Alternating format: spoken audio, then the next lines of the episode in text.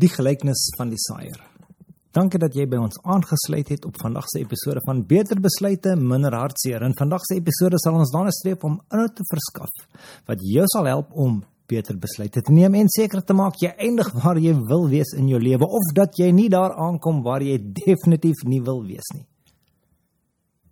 Ja nee, kyk, my grasperk lyk nie soos grasperk nie. Hm.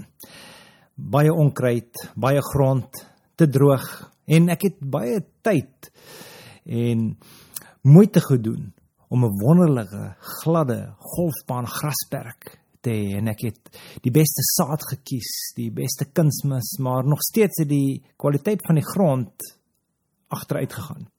Snel vorentoe 6 maande op 'n Sondagoggend vroeg in September het ons nuwe leraar gepraat van genade en vergifnis en van 'n geleentheid om Christus te ken en die ewige lewe te ontvang.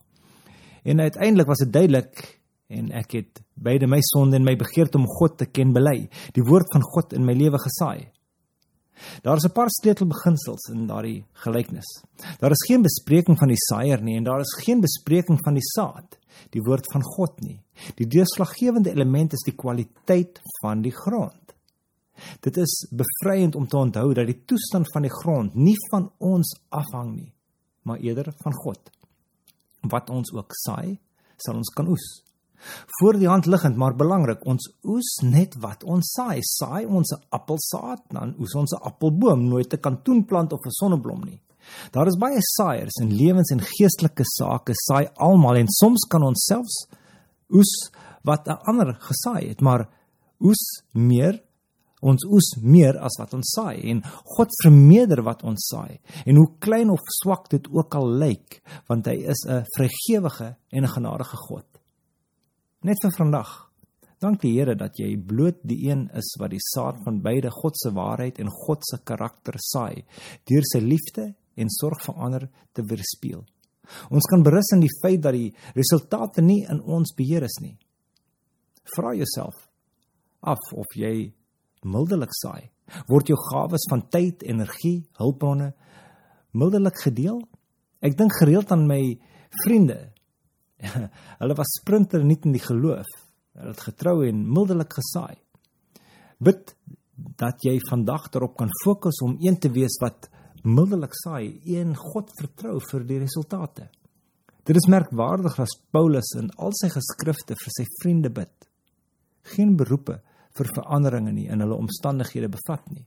Ja, heeltemal merkwaardig. Paulus se vriende het byna elke denkbare afleiding, vervolging en vooroordeel gelei en tog bid Paulus nooit dat hulle probleme verwyder word nie.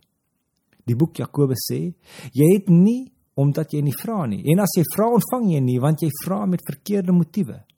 Ons sê verkeerdelik vir God hoe om ons lewens en omstandighede te bestuur en vergeet dikwels dat uiterlike gebed eerder 'n manier is om saam met God te deel te neem aan sy werk in die wêreld. Ons moet wel ons behoeftes bekend maak met die gesindheid om te aanvaar dat God weet wat die beste is. Ons kan ons bekommernisse vir onsself en ander by God laat en vol vertroue wees dat hy dit sal hoor en daarvolgens sal optree soos hy die beste sien. As ons maar net geweet het hoeveel keer God in sy wysheid nie ons begeertes toegestaan het of 'n antwoord vertraag het net as gevolg van sy liefde nie. So wat het Paulus vir sy vriende gebid? Wat moet ons bid vir ons vriende wat ly, wat eensaam is, wat verlore of gebroke is, dalk deur sonde? Hy het gebid dat hulle mag wegdraai van die sonde, vir hulle gehoorsaamheid aan die Here en vir vrede om hulle harte te regeer. Romeine 16. In Efesiërs het Paulus vir die Christusvolgelinge gevra om genade te verstaan en dat hulle geloof sal toeneem. En in Tessalonike vra hy God om aan hulle genade te gee om getrou te wees. As gevolg van Jesus het ons die vertroue dat ons gebede deur God verhoor sal word en op die mees liefdevolle en wysste manier beantwoord sal word. Nou net vir vandag. Dink aan jou uiterlike gebedslewe.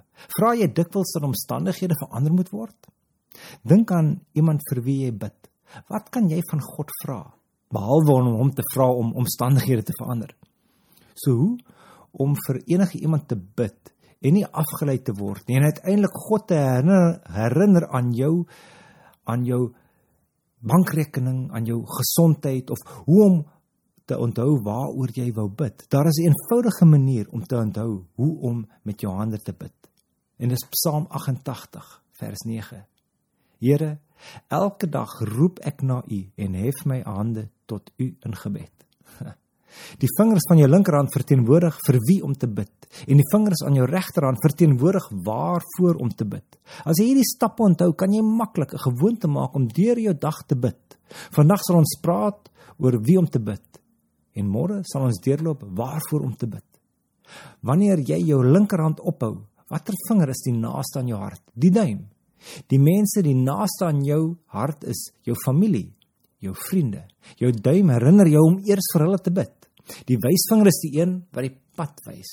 Dit verteenwoordig onderwysers en leiers in jou lewe wat jou na Jesus en God se wil wys bid dat hulle jou en ander sal help om wyse besluite te neem en dat hulle ook wys sal wees in hulle eie lewens.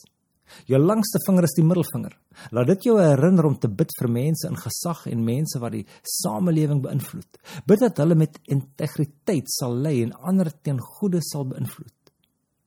Jou ringvinger is redelik swak. Dit kan jou help om te onthou om te bid vir mense wat geneig is om meer kwesbaar te wees, insluitend bejaardes, diegene wat aan siekte ly en mense wat nie genoeg het om te eet nie. Bid dat God in hulle behoeftes sal voorsien en hulle nader hom sal trek. Die laaste vinger, jou kleinvinger, jou pinkie, verteenwoordig jouself. Dit is goed om vir jouself te bid, maar moenie daar begin nie. Bid laastens vir jouself nadat jy vir almal anders gebid het. Hierdie eenvoudige herinnering kan jou help om jou gebedslewe te transformeer. Asseblief, probeer dit en kyk hoe die Here jou laat groei tot 'n persoon met groot geloof. Baie dankie dat jy na vandag se program op Beter Besluite Minder Hartseer geluister het.